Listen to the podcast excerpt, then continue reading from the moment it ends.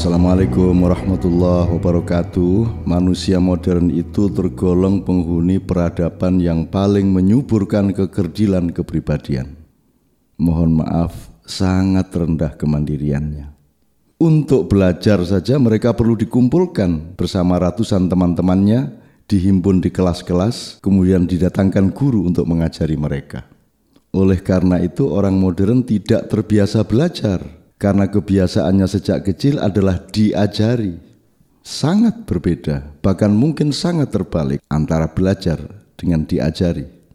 Itu pun diajari tidak oleh Tuhan atau staf-stafnya Tuhan, melainkan oleh orang yang disebut guru.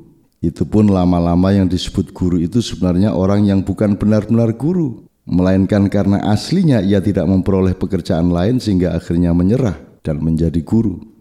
Juga karena dalam peradaban modern guru semakin tidak dihormati dan tidak mungkin mendapatkan perolehan penghidupan yang memadai maka kemudian guru tidak berpikir lagi tentang pendidikan terutama tetapi berkonsentrasi memperbesar pendapatan.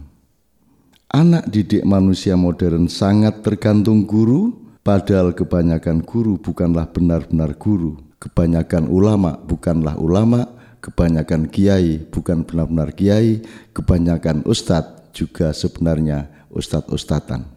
Dalam keadaan seperti itu, ihsan adalah pilihan yang terbaik.